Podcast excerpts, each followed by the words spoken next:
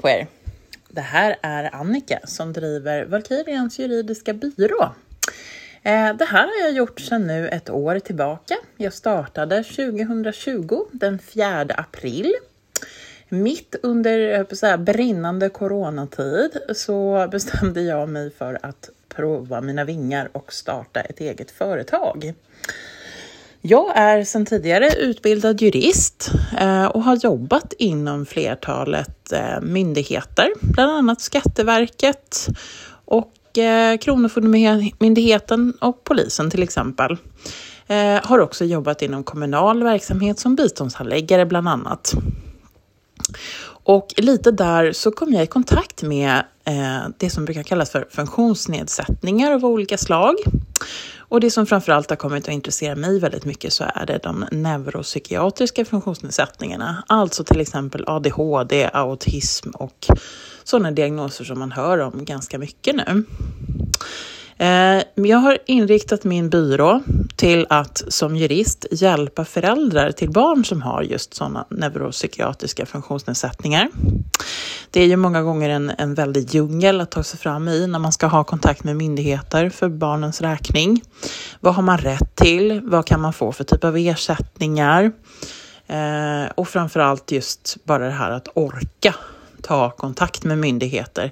Det kräver ju många gånger ett ganska stort jobb att få sin vilja igenom och hävda sin rätt.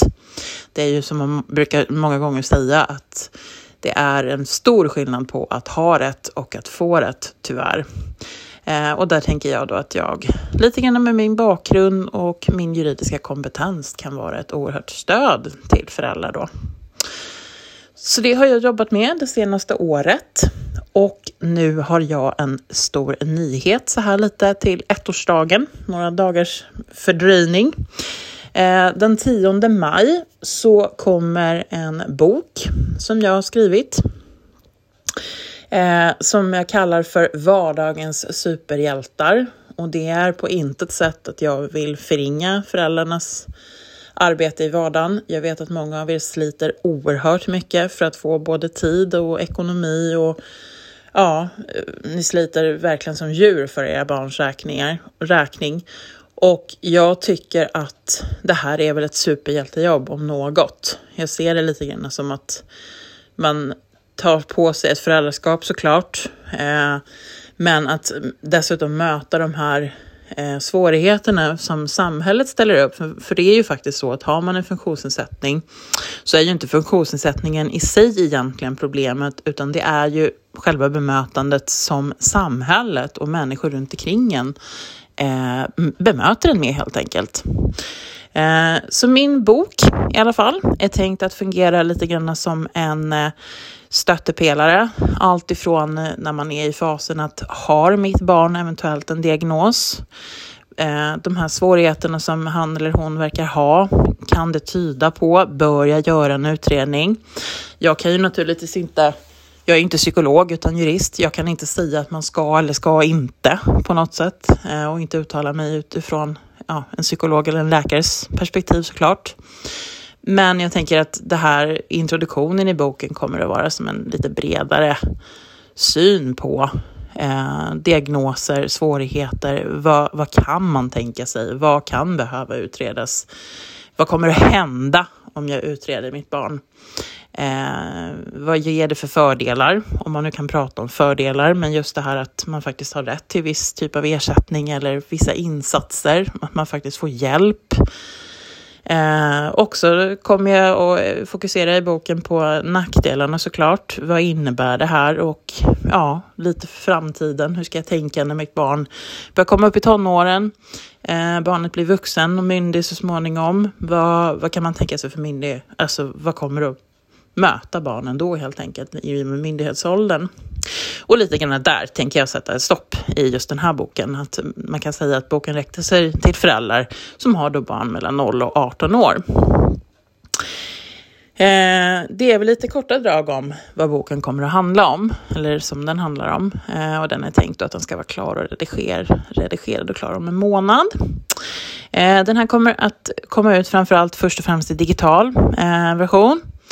Och sen på sikt är det tänkt också att den kommer att komma ut i vanlig så att säga, tryckt form på ett förlag.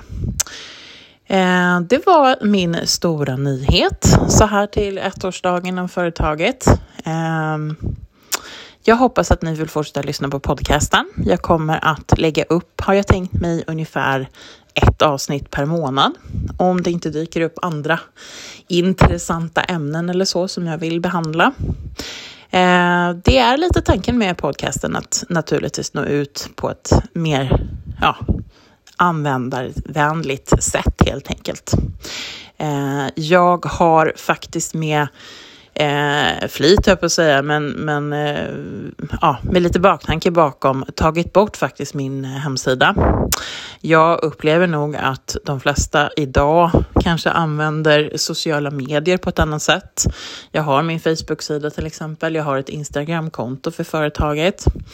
Eh, jag känner att hemsidan blir, eh, ja förvisso det här med kontaktinformation och så, men jag tycker att dels har Google en väldigt bra tjänst som företagare. Man har någonting som kallas för Google, Google Business eh, och jag tycker att man når ut ganska bra i det och sen framförallt att synas i sociala medier.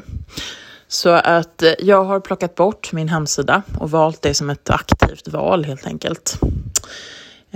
Så att ni hittar mig eh, på Valkyriens juridiska byrå på, hem, eh, på Facebook eh, respektive Valkyriens juridiska byrå på Instagram och nu också i denna podcast.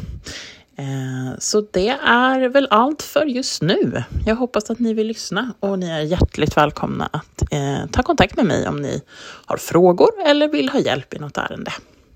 Ha det bra där ute i vårsolen. Hej då!